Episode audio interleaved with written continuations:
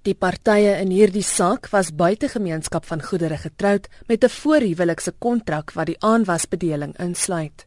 Bertus Praller verduidelik wat die verskil is tussen 'n huwelik binne en buite gemeenskap van goedere. Mens moet gaan kyk na wat die egskeringswet sê. As die party byvoorbeeld binne gemeenskap van goedere getroud is, dan gewoonlik word alles gelykop verdeel tydens die egskeiding, weet nadat al die skulde gedelg is.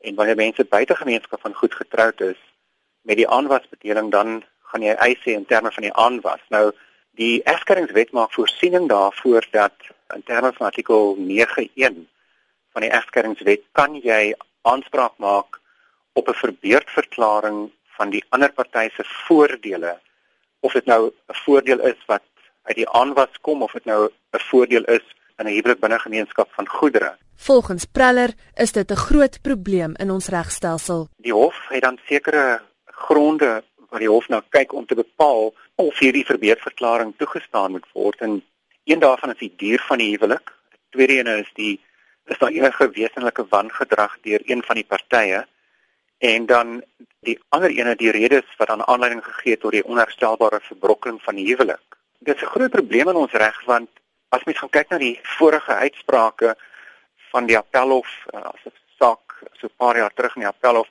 waar die hof gesê het nie al hierdie omstandighede hoef aanwesig te wees nie. Daar kan byvoorbeeld net een omstandigheid wees wat die hof dan noodsaak om 'n ander party sy voordele nuwelik verbeur te verklaar. Daar is 'n tendens in die Suid-Afrikaanse reg dat skuld in 'n egskeiding nie meer 'n rol speel nie. As jy gaan kyk na die tendens in ons reg dat skuld in 'n egskeiding nie meer 'n rol speel nie en dat byvoorbeeld oorspel gesien word as maar net 'n simptoom van 'n huwelik wat verbrokkel het, raak dit al hoe moeiliker om slegs op die skuld van 'n party 'n verbeurdverklaring voor aansoek te doen. So ek dink dit kan maklik wees dat op appel daai bevinding deur die landdros heel moontlik omvergewerp sal word. Preller dink nie dit is in lyn met die grondwet nie.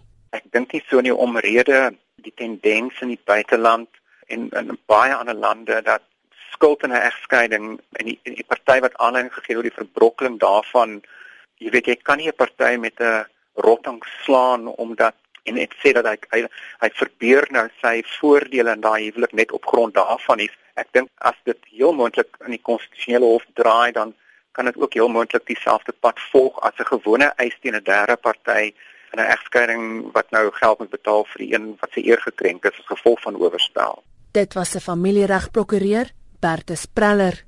Dianke Nel, SABC nuus.